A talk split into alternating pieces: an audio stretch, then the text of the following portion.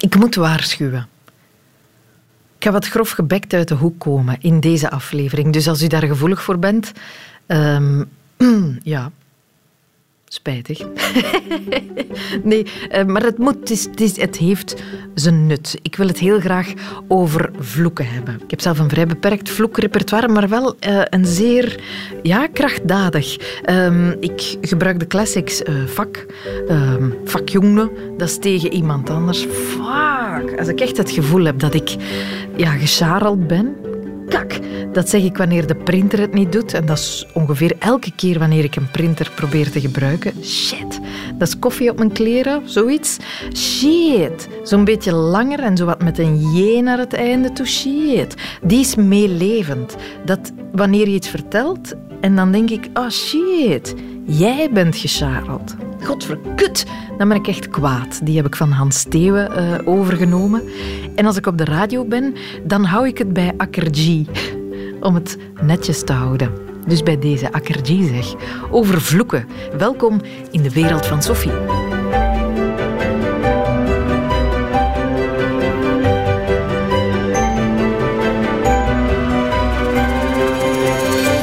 U doet het, ik doe het, hij doet het, zij doet het, we doen het allemaal, dachten wij. Tot we op onderzoek uitgingen en ontdekten dat er hier en daar wel uitzonderingen zijn. Shit. Als ik uh, een afslag uh, te laat ben afgegaan of uh, shit. ik ben iets vergeten thuis en ik moet terugrijden, dan, dan gebruik ik dat heel vaak. Ja. Shit. Ja. Vooral in de auto hoor ik nu. Ja. Shit. Shit. Ja, klopt. Ja, ik hoor het, u zit vaak in de... In de wagen, ja. Nee, in shit. Ah ja, ja, ja, dat ook. Shit. Shit. Ja. Putain, merde, ja. les, ja, ook bijvoorbeeld. Echt zo van die woorden, ja. Putain, merde. Ja, wanneer zou je dat nog eens gebruiken? Of is dat de hele dag door bij, bij u? De hele dag door, denk ik, ja. ja toch, ja. Je hebt niet, niet veel nodig om... Uh... Nee, ik, ik ben iemand, ik word snel boos, dus putain. Die woorden gebruik je graag. Merde. Ja, sorry, ik ben een beetje bij de, buiten adem. Uh... Ik haal u van uw skateboard, hè, maar zeg eens, wat zou jij nu roepen als het fout gaat op dat skateboard? Uh, waarschijnlijk iets wat klinkt als fuck of zo. Fuck. Iets wat daarop lijkt. Fuck. Shit of chips heb ik al gehoord bij die jonge gasten, maar dat weet niet ja, dat Chips, dat bij ons, dat, dat gebeurt niet. Nee, ah, nee dus shit. shit. Ja. Oké. Okay. Ja, vanaf een bepaalde leeftijd wordt het weer shit. Ja. ja. Je begint in de shit, dan wordt het chips en dan wordt het weer shit. Ja. I guess, ja. Yeah. Fuck. Kut. Dat komt er bij u spontaan uit? Nee, niet bij mij, maar ik hoor het regelmatig. Kut. Bij mij zelf niet, nee. Doen. Oh, u zelf niet? Ik zou uh, eerder um, shit zeggen. Shit. Ik zeg shit, maar ik hoor overal kut of... Um, wat was het ook nog wel? Shit, kut. Putain. Zeggen ze ook dikwijls. Maar ik werk voor een school, dus dat ik... U werkt voor een school? Ah, ja. Voor een school, ja. Ja. Ik hoor dat dan zo op de speelplaats. Zeg, en die... Uh, wat, shit was bij u, hè? Ja, bij mij was Wanneer komt er shit uit, mevrouw?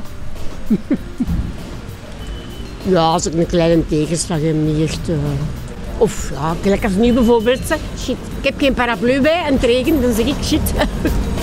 shit. Ik, ik, ik betrap mij er zelf ook soms op, maar het is, dat mag je echt niet zeggen. Om wat, wat, wat? Op uh, ziektes gebruiken als scheldwoord. Zoals? Ja, kanker bijvoorbeeld. Het is, het is echt slecht. Ik moet dat uit mijn vocabulary halen. Kanker. Gewoon als je, ik zeg wat valt op je skateboard, zo, ah, kanker. Ja, dat komt niet meer zo hard over bij jonge mensen. Kanker. Wij, misschien beseffen wij gewoon niet hoe, hoe erg dat zo'n woorden kunnen zijn. Kanker. Het is kanker weer, jong. Ja. ja. Het gaat regenen. Ja. Ik heb geen jas bij trouwens. Ik sta nu wel droog, maar... Nou. Het is echt kankerweer. Kankerweer. Kankerweer. Maar dat, als wij dat zeggen, daar wordt niks slechts bedoel, mee bedoeld. Dat is gewoon een woord van... Ellendig weer, ja. Ellendig weer, exact hetzelfde. Exact hetzelfde. Minder cool misschien. Misschien is dat ding. Ja, we staan droog, jong. We, zitten, we zijn gefukt. We zijn, ja, we zijn gefukt, ja. We zitten in de shit. Nee, net nog niet in de shit, want we staan droog. Maar kom, ik moet wel door die shit naar mijn auto terug. Ja. Veel succes. Kanker. Shit. Putain, merde. Kut. Fuck. Denk ik. Uh... Gebeurt dat vaak zo op een dag? Nee, ik maak mij nooit vaak kwaad. Dus uh, ik ben een kalme persoon. Uh, ik scheelt eigenlijk weinig. Maar dat zegt vandaag iedereen hier plotseling. het is aan het regenen rondom ons. Wat roepen we dan? Ja, kloten weer. Hè. Kloten kut. Ja, kut, kloten weer. eh. De Jew, maar fuck. Dat valt nog mee eigenlijk. Ik, ik hoor dat kanker ook wel de ronde doet. Kanker is ja, maar ik ben al iets ouder dan de, de mensen dat dat waarschijnlijk zeggen. Ik denk dat dat meer bij de jeugd is. Kanker en kapot. En, eh, Kapot? dat is kapot of zo. eh, dat zijn zo wel de woorden. Of kanker, ja, of le- leep. eh, Leep. ja. Nou, ik, ik kijk verbaasd nu. De mensen zien dat niet meer. Leep? Ik snap het niet. ja, dat zijn de, de jongere taal, denk ik dan. Hè. Dus dat wij daar net iets staat voor zijn. Nee, wij zijn gewoon Andere- putain of, of fuck. Fuck, ja, inderdaad. Oké, ik moet uw naam niet weten, maar putain, fuck, merci. Graag gedaan. Dat, nee, dat staat zo niet op uw gezicht af te lezen, maar bent u iemand die wel eens vloekt? Nee, Nooit. nooit. En dat zegt u met de hand op het hart, want ik kan dat bijna niet geloven. Nooit gedaan, zal ik ook nooit niet doen. Ook niet in Als er reden zouden toe zijn, dan zwijg ik liever. Dat heeft geen enkele zin.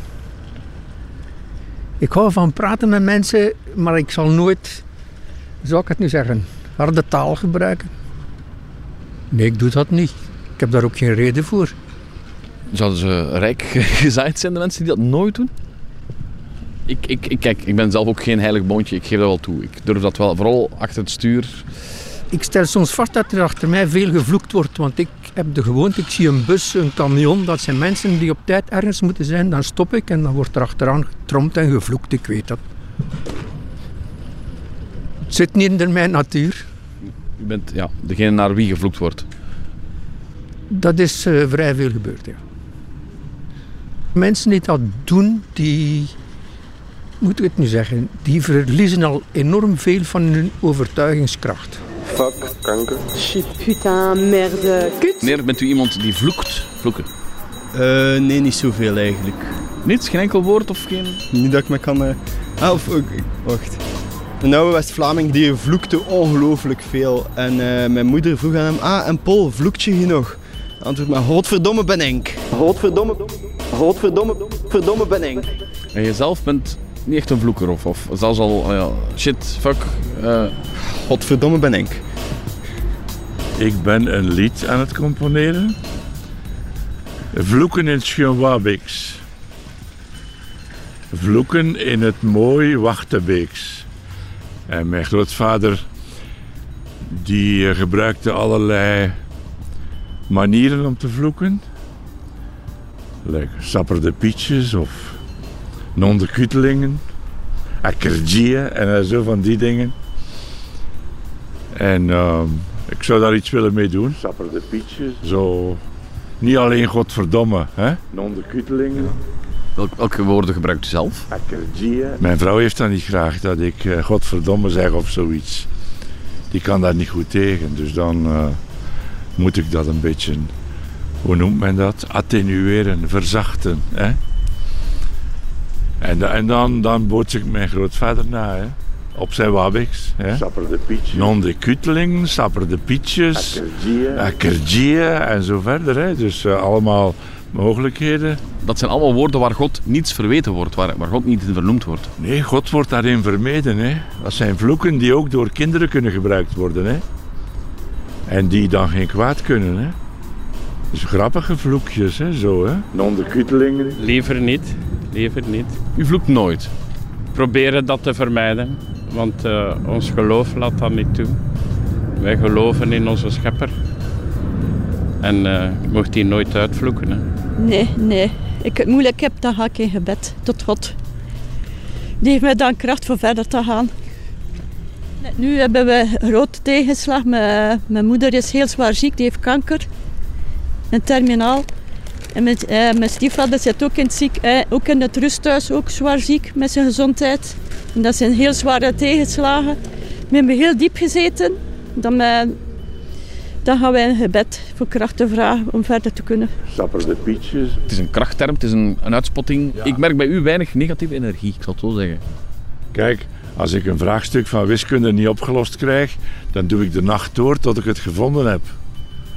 En ik ga dan misschien af en toe een keer iets doen dat op vloeken lijkt. Misschien van oei, verdomme, ik vind het niet. Ah, het is eruit. Oké, ja. Ja. Dat, dat zou kunnen. Hè? Maar eh, dat is dan een, meer een gedrevenheid eigenlijk. Hè? Als u zelf opheppen. Ja, zoiets, ja. Voilà, zoiets. Fuck, kanker, shit. Onderkuttelingen. Putain, merde, kut.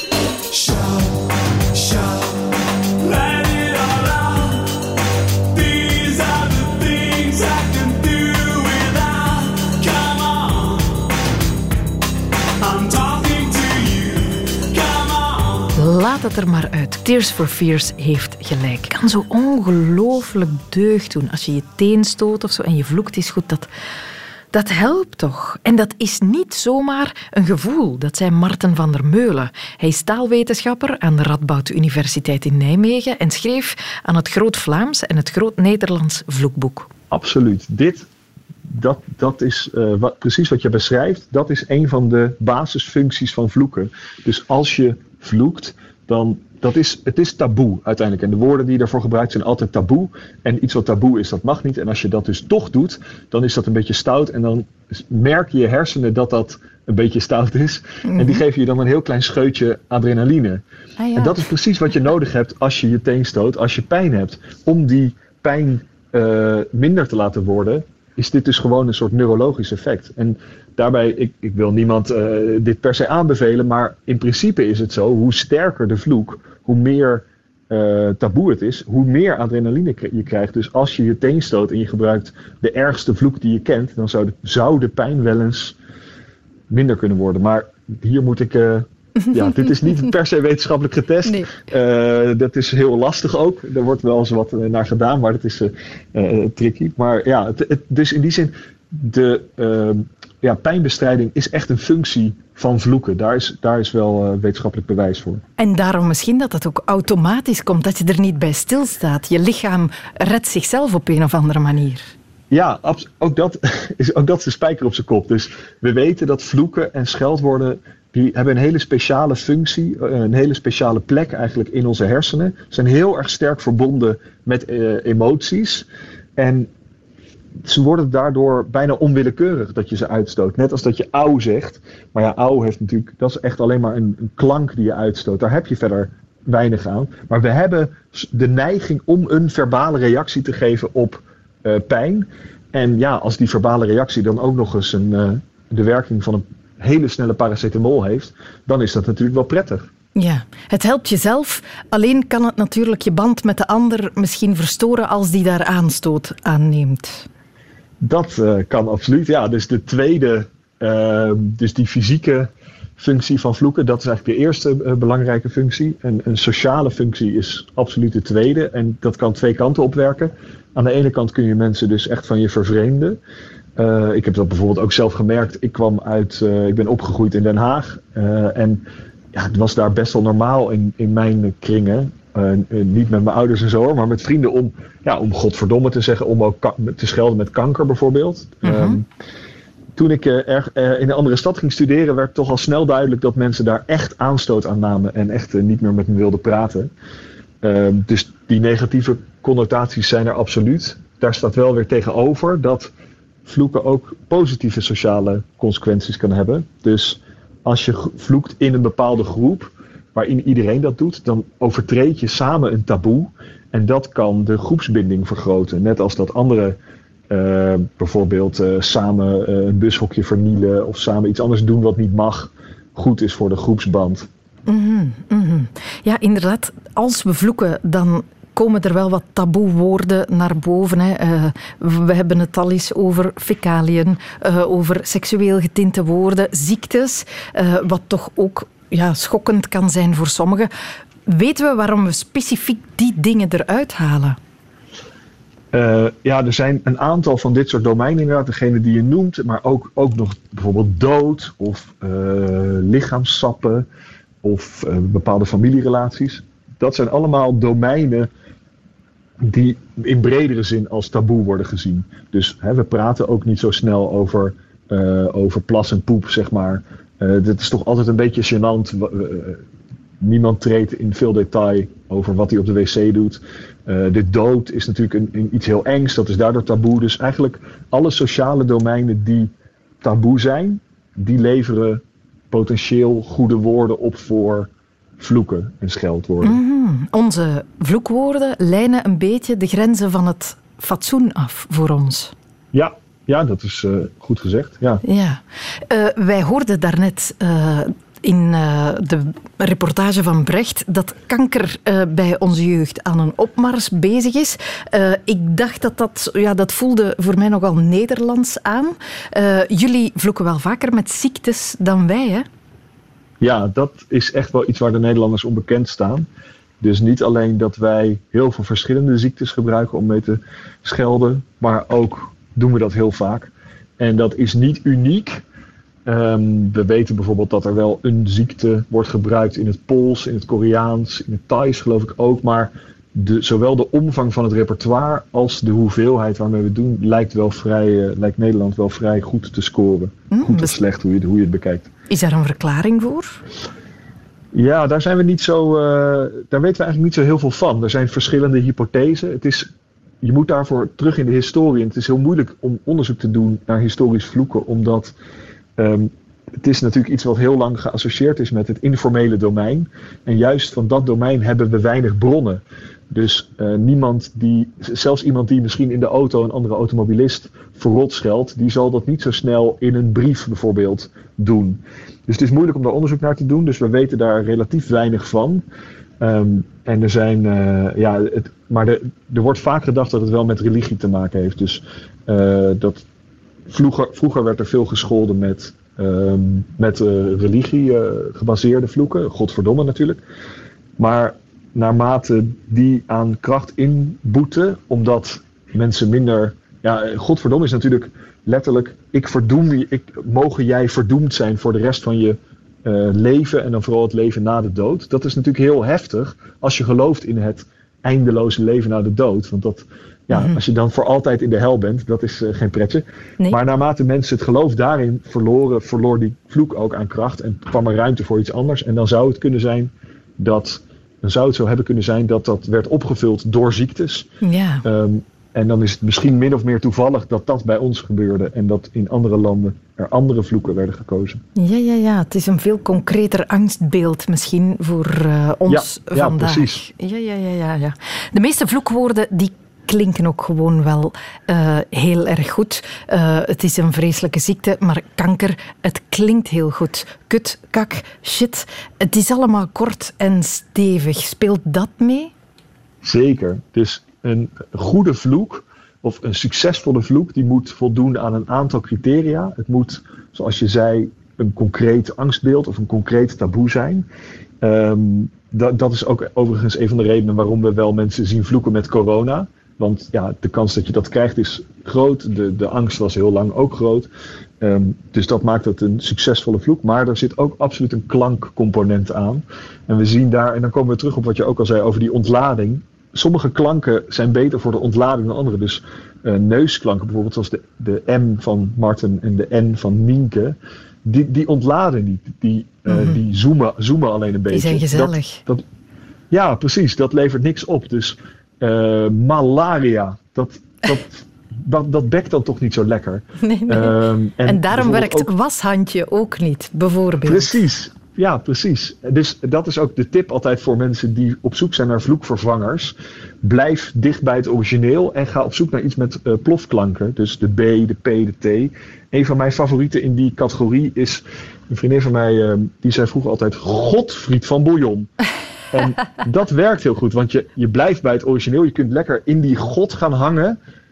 En dan krijg je ook nog die B van het bouillon. Dus dat, uh, dat is eigenlijk een vrij ideale en natuurlijk hele beschaafde vervanger. Um, nu heb ik wel de indruk dat men vroeger strenger was op vloeken en vloekwoorden. Het passeert allemaal een beetje gemakkelijker vandaag de dag. Klopt dat? Uh, ja en nee, zou ik zeggen. Dat is hè, het, het, het uh, wetenschappelijk antwoord op alles. Um, ik denk dat we meer worden geconfronteerd met vloeken, omdat ons taalgebruik in algemene zin informeler is geworden. Dus vroeger was er, waren er veel meer domeinen, de, de krant, de politiek, maar ook uh, ja, meer formele interacties tussen mensen. Uh, eh, waarbij echt nog formeel taalgebruik werd gebruikt. Je ziet dat ook nog wel in uh, gerechtelijke ehm, beslissingen en zo. Er is nu al heel lang een grote beweging maatschappijbreed naar meer informele taal. Dat zie je in de literatuur, dat zie je ook in uh, initiatieven om bijvoorbeeld uh, gerechtelijke uitspraken meer in gewone mensentaal te doen. Je ziet het bij nieuwslezers. En een onderdeel van informelere taal, dat is vloeken. Mm. Dus het is logisch dat, die, dat we die op meer plekken zien. Die, dus die waren er al wel, alleen zagen we dat minder. Ja. Dus eh, snap je, op die manier is het zowel, het was er altijd al wel, alleen was het wel minder, uh, minder breed uh, verspreid. En mm -hmm. dat, dat is nu wel meer, ja. Ja, er zijn wel wat culturele verschillen op te merken. In de Verenigde Staten bijvoorbeeld zijn ze veel strenger op vloekwoorden, op krachttermen, uh, als wij hier. Ja, ook daarbij zou ik zeggen ja en nee. Dus aan de ene kant in, in media-uitingen zijn ze daar strenger. Dat is denk ik ook niet zo gek als je ziet dat er toch nog wel een hele grote conservatieve en religieuze uh, groep mensen is die ook invloedrijk is in de, in de VS ten opzichte van Nederland of België. Um, maar ook daar is het natuurlijk wel echt een onderdeel van de, uh, van de samenleving. En de gewone man op straat zal zeker wel regelmatig vloeken, durf ik mm. te zeggen. Um, ik heb al wel eens gehoord dat mensen die geregeld vloeken, dat ze intelligenter zijn. Zou dat kunnen kloppen? Uh, dat, dat is een heel risky. Uh, dat, ja, die aanname is waarschijnlijk niet waar. Um, het is sowieso niet zo dat mensen die, als je meer gaat vloeken, dat je slimmer wordt. Dus er is geen uh, oorzaak-gevolg verband. Mm -hmm. Het kan wel dat mensen die intelligent. Het kan, het kan een soort bijeffect zijn. Dus het kan, over het algemeen wordt wel aangenomen mensen die intelligenter zijn, hebben een grotere woordenschat. En hebben dus ook uh, meer vloeken tot hun beschikking. Um, dus dan, dan lijkt het zo alsof ze meer vloeken, maar dat is gewoon een effect van het feit dat ze überhaupt meer verschillende woorden gebruiken. Dat, dat, dat, dat, zou ik, dat zou ik uh, ja. durven zeggen. Spijtig. Heel spijtig, want dat was altijd mijn excuus. Ik ben niet grof gebekt. Ik ben gewoon zeer, zeer intelligent. Gaat dus niet op. Helaas, Marten van der Meulen hoorde je. In de wereld van Sophie, jouw godverdamse Favo-podcast. Ook een retenzalig radioprogramma. Elke fucking weekdag te horen op Radio 1. Telkens tussen 10 uur en 12 uur. Fuck yeah. Sorry, ik weet, ik overdrijf er een beetje mee, kak shit, fuck. Uh, maar ik moet ervan profiteren. We hebben het er nu even over. Het is in deze wetenschappelijk verantwoord. Wat zeg ik? Het is fucking nodig om te vloeken in deze aflevering. Nu moet ik wel streng zijn voor mezelf uh, en mezelf tot de orde roepen als het gaat over originaliteit. Zowel in het vloeken, maar ook in het schelden blijf ik nogal bij de basics. De meeste onder ons blijven nogal bij de basics. Dus goed, hè, die werken. Het bewijst ook dat ze goed zijn.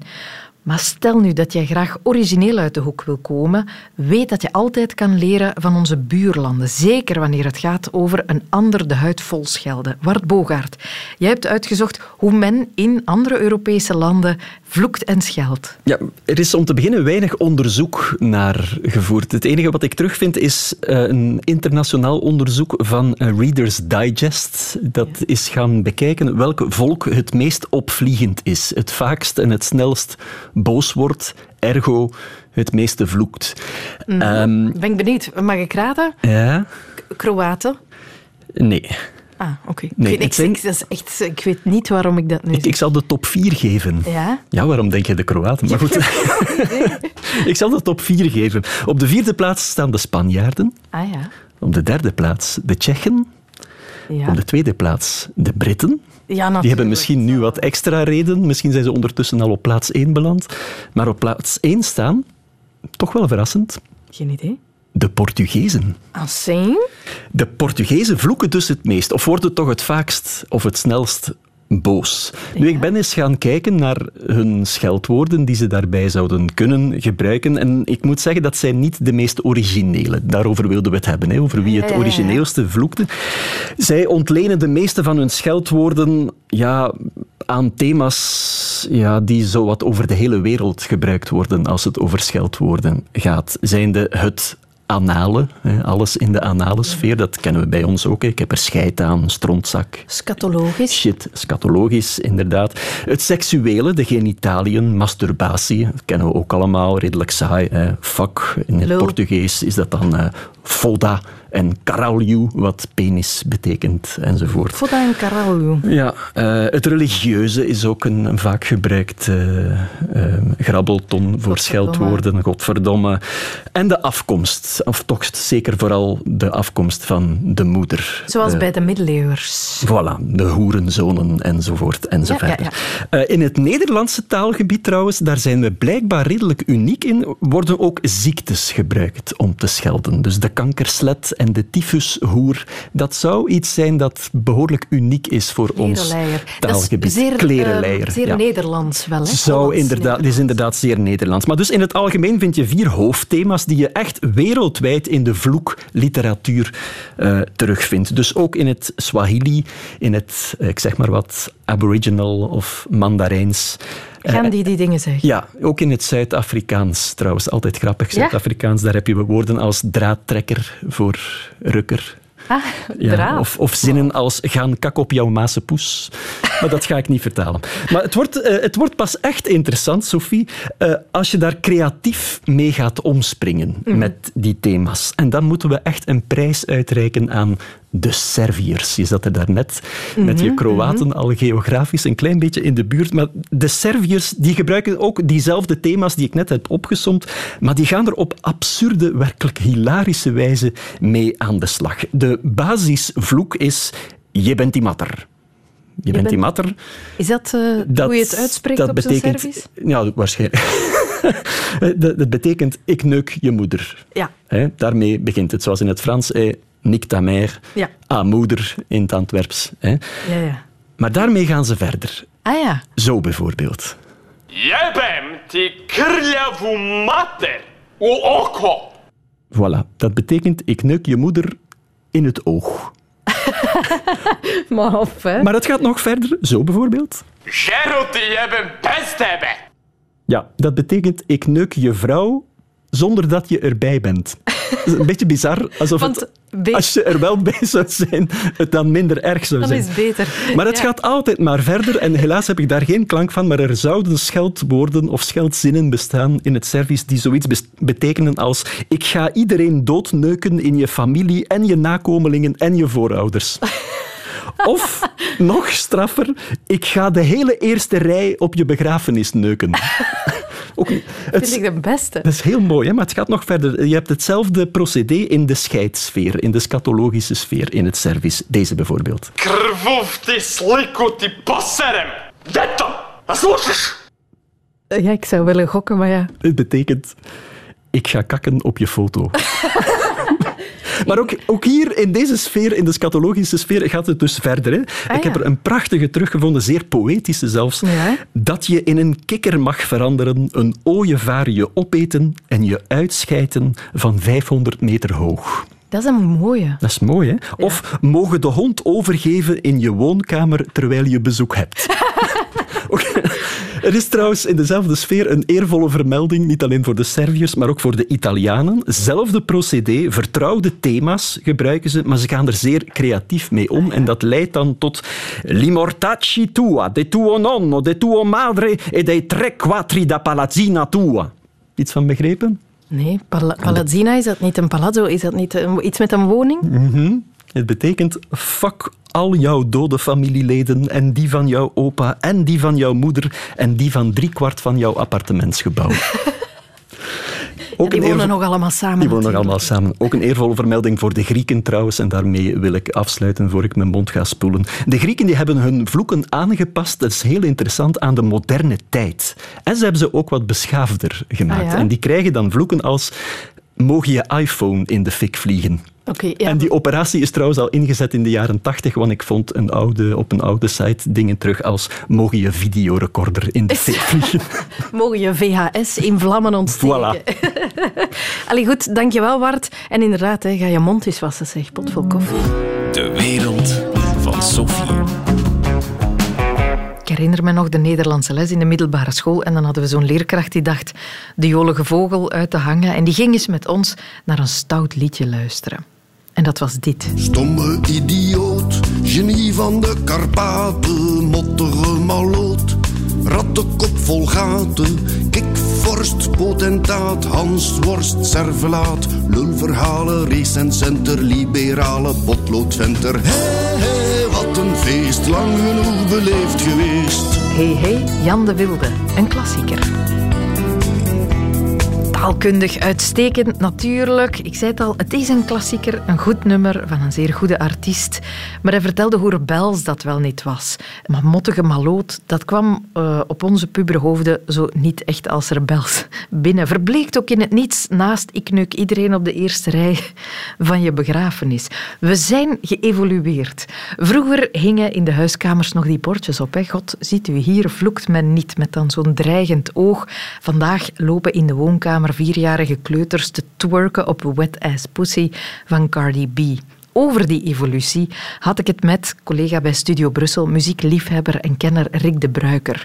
We begonnen bij wat mogelijk de eerste vak in de muziek was. Um, ik ben gaan kijken wat dan de eerste uh, officiële vloek was in een nummer. En zelfs daar is discussie over. Maar moeten we naar 1938. Mm -hmm. uh, een nummer dat heet Old Man Mouse originele nummer van Louis Armstrong. Uh, maar het is Eddie Dutchin, een uh, heel erg braaf uitziende man, uh, die daar een versie van maakt. Het wordt gezongen door een vrouw, Patricia Norman. En eigenlijk zingt hij over um, buckets, over emmers, bucket, bucket, bucket. Maar als je daarnaar gaat luisteren, dan klinkt die bucket toch net iets anders.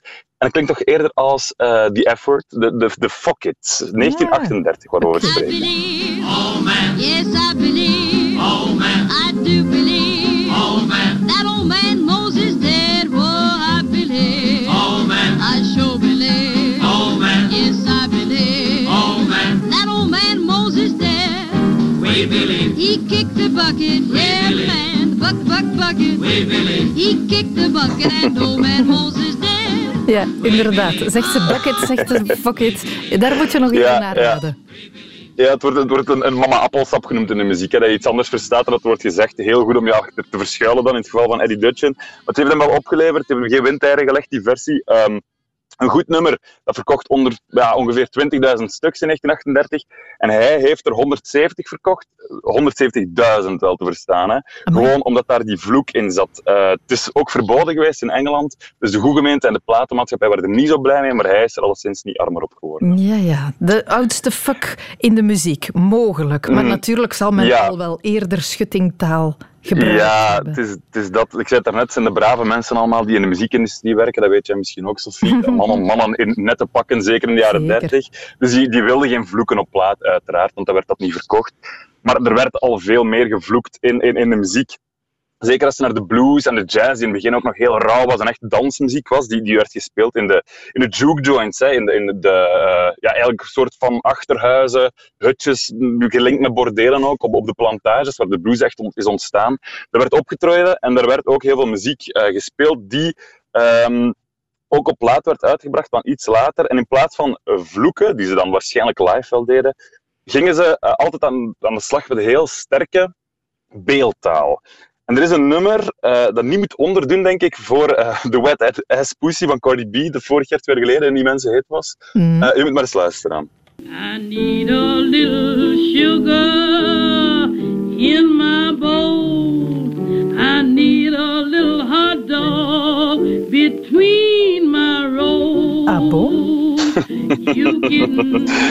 Yes, de Wet Ass Pussy eh, van de jaren 20, eh Bessie Smith. Eh, maar ik denk ook hier, want we spreken nu over de Verenigde Staten natuurlijk, maar ook hier in Vlaanderen zijn er genoeg voorbeelden te vinden van vieze en vuile volksliedjes. Ehm, Waar heel veel seksuele woordspelingen in zitten. Hè. Dus Ja. dat is op zich niet zo heel gek. Ja, maar toen inderdaad werd het nog een beetje gecamoufleerd als we gaan kijken naar de muziekwereld vandaag. Je gaf al het voorbeeld Wet Ass Pussy. We mogen gewoon zeggen wat het is vandaag. Klopt het dat het eh, vooral te vinden is in de wereld van de hip-hop? Ik denk, ik denk het wel. Eh, zeker als je bijvoorbeeld gaat kijken naar, naar het aantal streams. Op dit moment, de meest gestreamde eh, muziek of het grootste genre is echt wel die hip-hop. Eh, en een van de grote namen daarin, dat is een kerel die heet uh, Da Baby, zo noemt hij zichzelf. Hij heeft een nummer, eh, BOP. Eh, ik, ik denk dat je het hebt klaarstaan, Sophie. Misschien moeten we er eerst naar luisteren, dan weet je meteen waar ik het over heb. Oké. Ha! I needed some shit with some bop in it. Go! I flew past the whip with that blunt in my mouth, watched it swerving. That whip had a cop in it.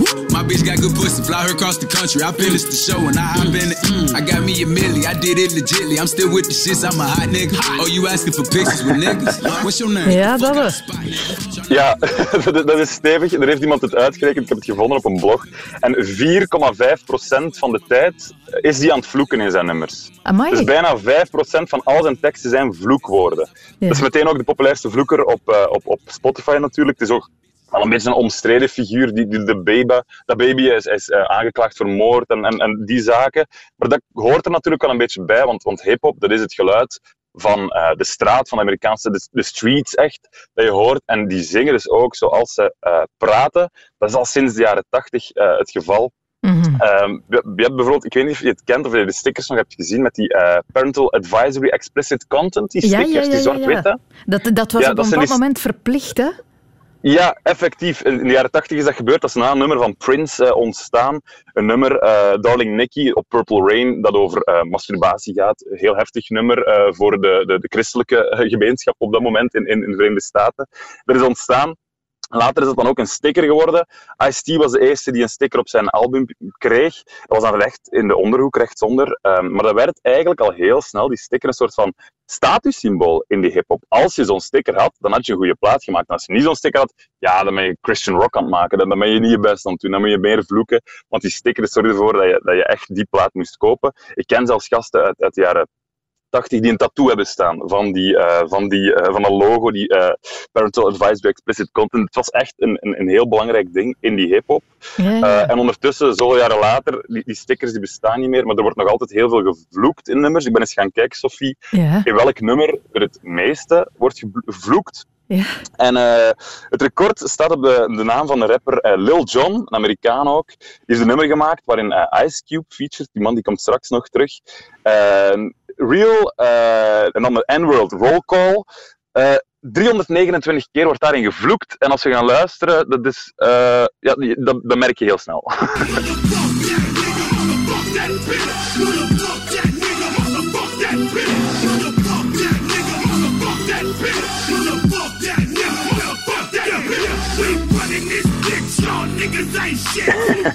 Wauw. Sorry, eh, sorry luisteraars van Radio 1 dat ik al deze dingen niet heb meegenomen, want het is intens, het is, het is vuil. Eh, maar die, die Ice Cube, die featured op dit nummer, dat is een man die eh, in een andere groep zat, heel lang in de jaren 80, NWA. Ja. Heel belangrijke naam in de hip-hop. Was eh, Dr. Dre, is daarbij begonnen, is, is groot geworden daar door, eh, door ook beats te maken. Heeft zijn, eigenlijk zijn, zijn, zijn immense eh, imperium opgebouwd op de grondvesten van die NWA. En die hebben een nummer uitgebracht in eind jaren 80.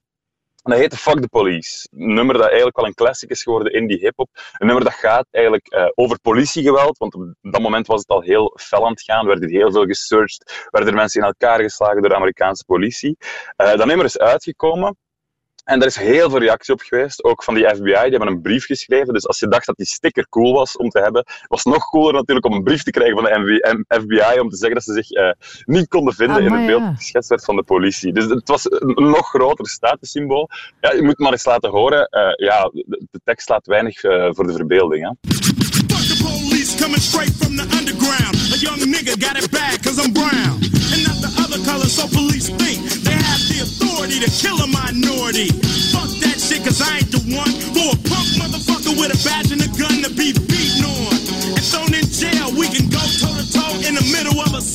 Dat moet zo deugd doen voor die mannen. We hebben al gehoord dat het werkelijk adrenaline eh, losmaakt. Ja, ja. Zo vloeken, die moeten toch na een concert En zeker, zalig zijn. zeker dan, ja. Ja, maar zeker ook over zo'n thema, want het is eigenlijk een heel politiek nummer. Vorig jaar bijvoorbeeld, eh, of twee jaar geleden, met de Black Lives eh, Matter betogingen, is dat nummer plots enorm populair geworden, terug op Spotify. We zagen dat dat terug heel veel gestreamd werd, omdat dat gewoon echt een anthem is geworden van die, van die rassenstrijd. Een nummer dat verboden is door MTV bijvoorbeeld, die wilde dat niet draaien omdat dat veel te expliciet was. Maar wat ik dus zei, ja, het is, het is echt, het, de gesprekken op straat zijn voer voor de teksten van, van de hip-hop. Met, met hip-hop nummers weet je meteen wat er gebeurt in de hood, in de wijken van die rappers. Hier bij, en bij NWA dus ook het geval. Je weet meteen, ze hebben problemen met de politie, maar het zijn dus wel echte gasten, want ze gaan er tegenin. Mhm. Ehm, maar die Amerikanen die hebben wel iets gevonden daarop. Je hebt de clean en de explicit. Dat is een, vind ik altijd een heel erg grappig ding in de hip-hop. Je hebt altijd een clean version en een explicit version. De clean version wil zeggen dat er geen vloekwoorden in zitten. En de explicit version, dat is dan de originele versie met al die vloekwoorden. Dus bij die fuck the police zou dan de fuck weggebliept worden of weggehaald worden. Mhm. Ehm, zo heb je in de hele Amerikaanse eh, muziektraditie heel veel voorbeelden. Want in, zowel op de BBC doen ze het trouwens ook, in Engeland, het is niet enkel een Amerikaans verhaal, maar ook in Amerika, de vele grote radio's, die zijn eh, state-funded of zo. eh, en, en die willen natuurlijk, ja, uiteraard geen vloekwoorden op die zenders. Ze zijn iets, ja, we zouden het preutser kunnen noemen als, als bij ons daar. En dan krijg je die clean versions, eh, proper gemaakte versies, maar ook van grote hits van, van de rappers, van Kendrick Lamar, maar ook van iemand als Lily Allen, die heeft een nummer dat je misschien wel kent, Fuck You. Ja, groot Immens hit geweest, bij ons ook, ja, bij ons heel veel op de radio geweest. In de Verenigde Staten en in Engeland dus ook, maar ehm, daar klinkt het toch net iets anders.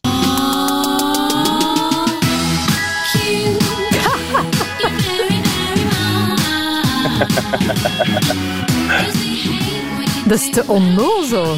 Wacht, dat wil ik Het is belachelijk. Het is, het is belachelijk. Wacht, hè.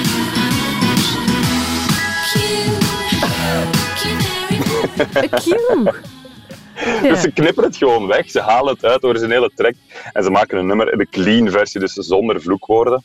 Ja. Eh, je hebt uiteraard ook in de hip-hop heel vaak dat dat gedaan wordt. Er zijn ook gewoon hits die dan niet gespeeld worden, uiteraard, omdat het onmogelijk wordt om nog naar te luisteren. Als je 350 keer vloekt in een nummer en je haalt het allemaal weg, dan heb je geen nummer meer over, uiteraard. En het is zelfs zo, zeker bij die rappers, als ik interviews doe met Amerikaanse rappers, die vragen altijd ergens in het begin van het interview: Can I curse? En dan hebben ze dus van zichzelf ook in interviews een clean en een explicit version. En dan weten ze, ah, in Europa mag ik vloeken. En dan praten ze eh, veel vlotter eigenlijk ook, met, met, met fax erin en weet ik wat nog allemaal. Maar als je zegt van nee, je mag niet vloeken, dan hebben ze ook een clean versie van zichzelf. Mag. Dat, vind ik altijd heel grappig. Ja, dat vind ik Ja, altijd heel grappig om te zien. Het gekke is ook dat het bij ons vaak omgekeerd is. Ik heb nu toevallig deze week per ongeluk een clean versie van een nummer van Tupac gespeeld, onbewust. Eh, en dan En mensen krijg je dus, sturen, hè? ja, dan krijg je dus klachten van Ja, waarom, ja. Waarom, stuur, waarom speel je nu de clean versie? Ja. Ja, ja, inderdaad. Dat is not done om dat te doen bij ons. Eh, je hebt de ene versie, dus de clean versie, oftewel wordt het woord dus weggehaald. Eh, maar je hebt ook dat er soms eh, nummers zo groot worden dat het belachelijk wordt om het woord weg te halen en dan wordt er een nieuwe versie gemaakt. Black Eyed Peas heeft dat onder- eh, al gedaan. Maar een van de grootste, denk ik, in, in, in dat thema is CeeLo Green. Uiteraard immens, immens groot geworden eh, bij ons met zijn nummer Fuck You. Mhm. Dat klinkt zo.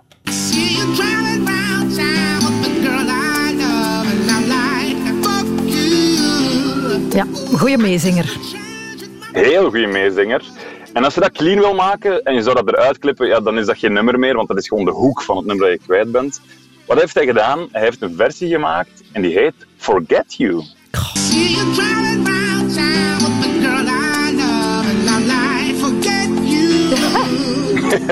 Goed gedaan, hè? Goed gedaan, maar minder krachtig toch? Minder krachtig en ook als je gaat kijken op YouTube.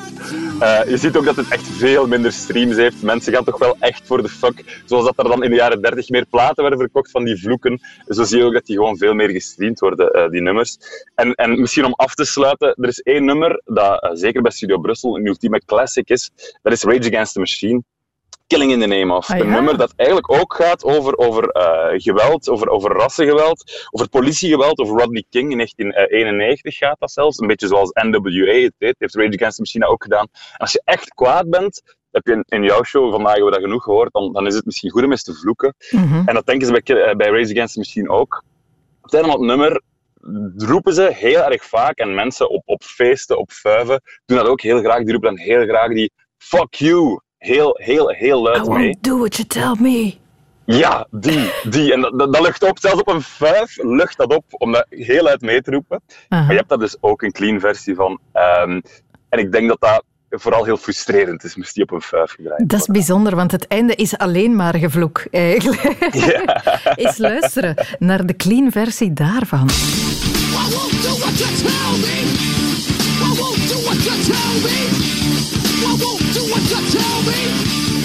Dit, dit slaat nergens op.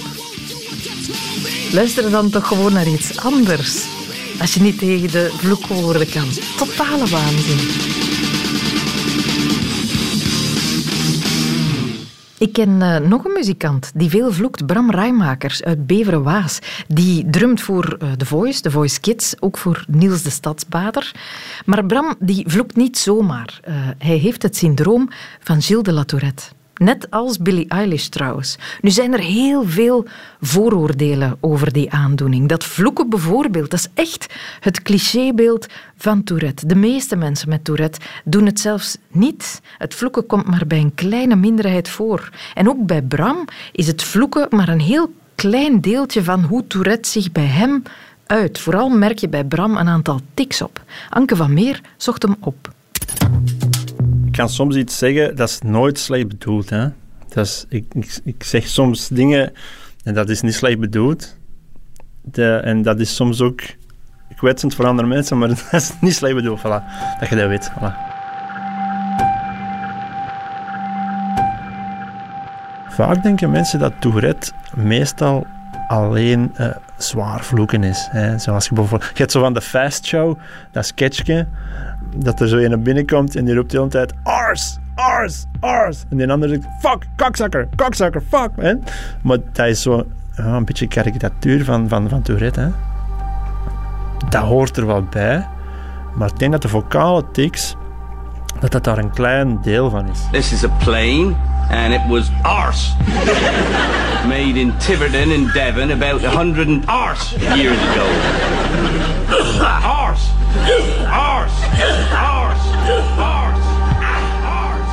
Wat ik denk dat Tourette is eigenlijk, is, is een combinatie van eh, motorische tics en een vocale tic. Dat moeten ze dus blijkbaar wel hebben. Dus het zijn eigenlijk ongecontroleerde bewegingen dat je maakt. Bij mij is dat bijvoorbeeld met mijn ogen knipperen. Dat, dat, dat ik ineens ben te knipperen. Met je hoofd tikken bij mij. Zo schudden. Precies dat ik altijd ja knip. Iedereen denkt, is altijd met als eens, maar dat is niet. Eh, wat ik ook vaak heb, als ik aan het eten ben, dan begin ik mijn kaken van links naar rechts te gaan, zonder dat ik zoiets heb van, hey, dude, blijf eens hier, je moet zo doen en niet... En bij mij een vocale tik is het niet constant, maar als ik eerder moe of gestrest ben, dan heb ik meestal de vocale tics. Soms vloep ik woorden uit of zinnen of wat dan ook, die ik echt helemaal niet wil, wil zeggen. Ik, ik, zou daar zelf liefst, om eerlijk te zijn, niet te veel voorbeelden van geven. Want dat is vaak kwetsend en dat is niet mijn bedoeling om mensen te kwetsen. En ik vind het ook niet, niet opportun om dat dan op de radio te vertellen. Maar ja, dat kan gaan van, van godverkut tot uh, amai, jij dik. Tot lelijk.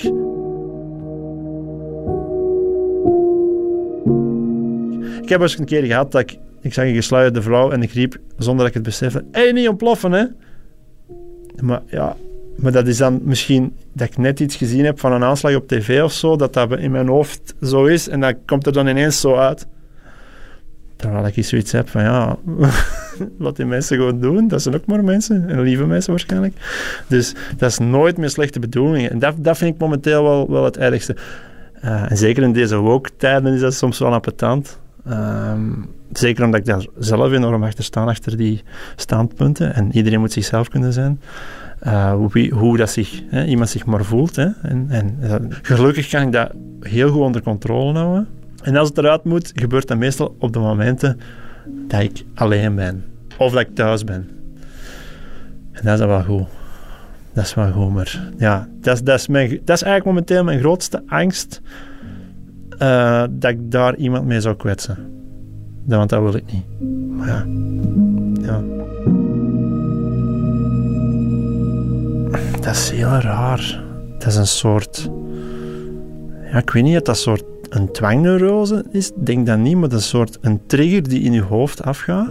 En dat gaat dan naar de plek waar dat die een tik is, bijvoorbeeld mijn ogen. En ja, je kunt dat tegenhouden.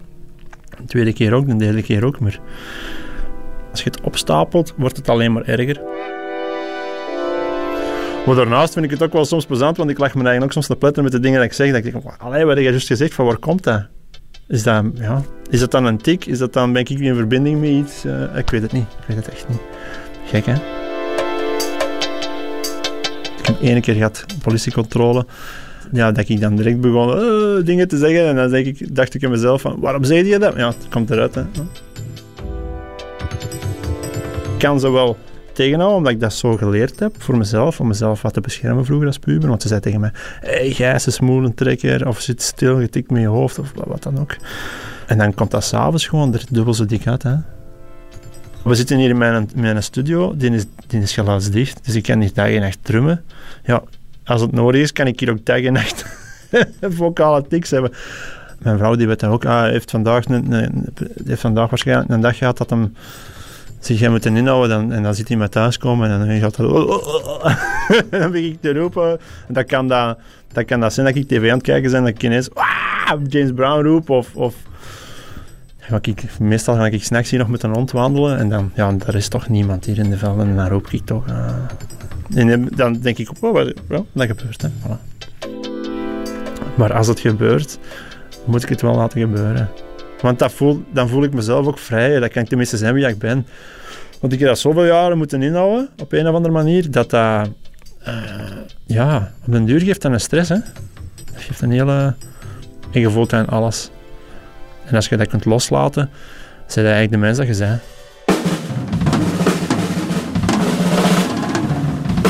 Ik denk dat dat de reden is waarom dat ik zo'n goede drummer ben geworden.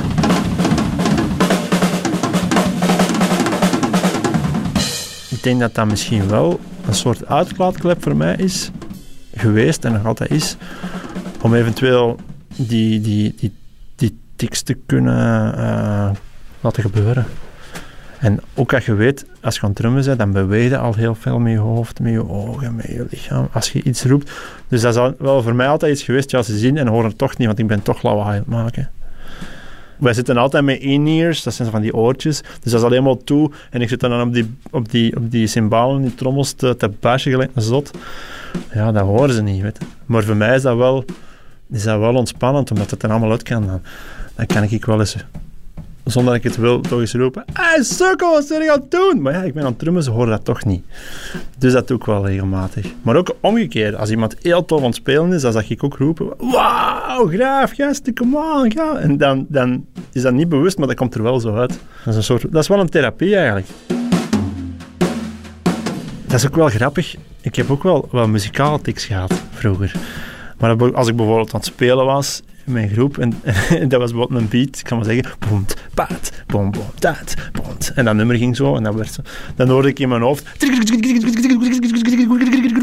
En dan dacht, dachten mijn armen, ja, kom aan, doe het, doe het. En dan zei mijn hoofd, nee, doe het niet. Kom aan, doe het, doe het. Dus ik zat zo in een tweestrijd. Zo. En dan soms in mijn, als je moe bent, en dan, oh shit, ik wou dat niet doen. En dan was elke keer van, oké, het, lukt, het lukt nog, ik kan het nog inhouden.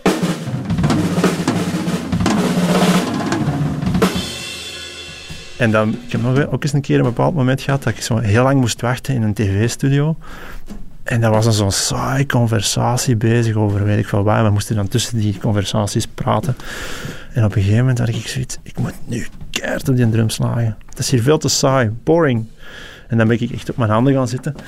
Oké, doe het niet, doe het niet, dan, doe het niet, doe het niet. Dus dat is toch raar, hè? Zoals dat ik geen tik heb, dat ik mijn broek heel de hele tijd wil afsteken. of zo.